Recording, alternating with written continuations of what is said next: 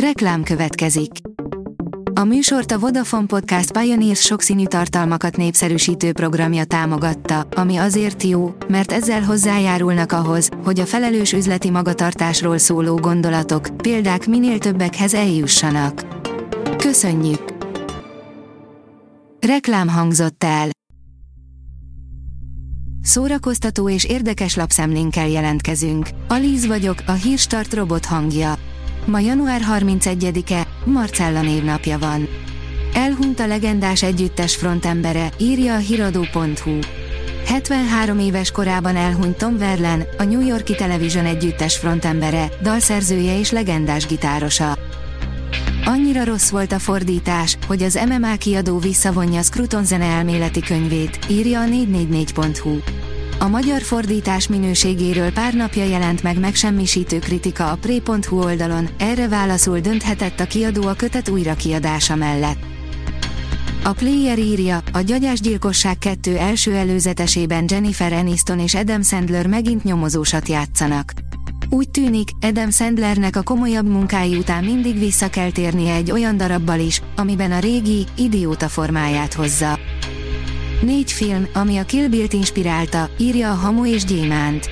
Quentin Tarantino életműve önmagában egy filmiskola. A Kill Bill-hez számtalan alkotásból merített ihletett a rendező, a népszerű bosszú története pedig a maga nemében is klasszikussá vált. De melyek azok a filmek, amik inspirálták a Fekete Mamba történetét?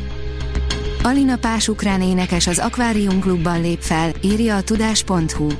Napjaink ukrán könnyűzenéjének egyik legnépszerűbb előadója ad koncertet Budapesten. Alina Pás énekesnő április 9-én az Aquarium Klubban lép fel.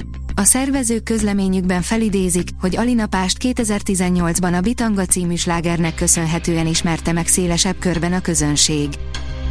Az NLC írja, Eddie Murphy elveszítette a humorérzékét.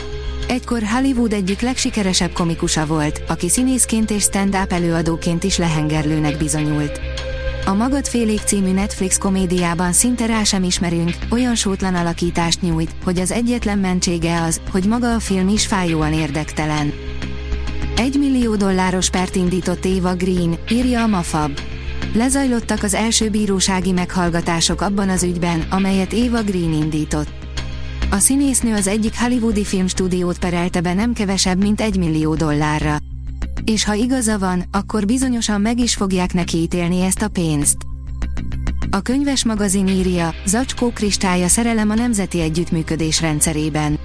Mások öngyilkossággal próbálkoznak, mi főző tanfolyamra jelentkezünk, így vágunk bele Aradi Péter első regényébe, amiben a teljes jövőképét elveszítő srác, az államhoz közeli ügynökségnél dolgozó Dénes hol kábítószerezik, hol vakra issza magát, miközben az elnyomó politikai rendszerben fegyveres rablásokkal szórakoztatja magát. Az igényes férfi.hu írja, Michael Jackson unoka öccse játsza a címszerepet a Michael című életrajzi filmben. Jafar Jackson, akinek a Michael első nagyobb film szerepe lesz, a legendás énekes testvére, a Jackson 5 egykori tagja, Jermaine fia.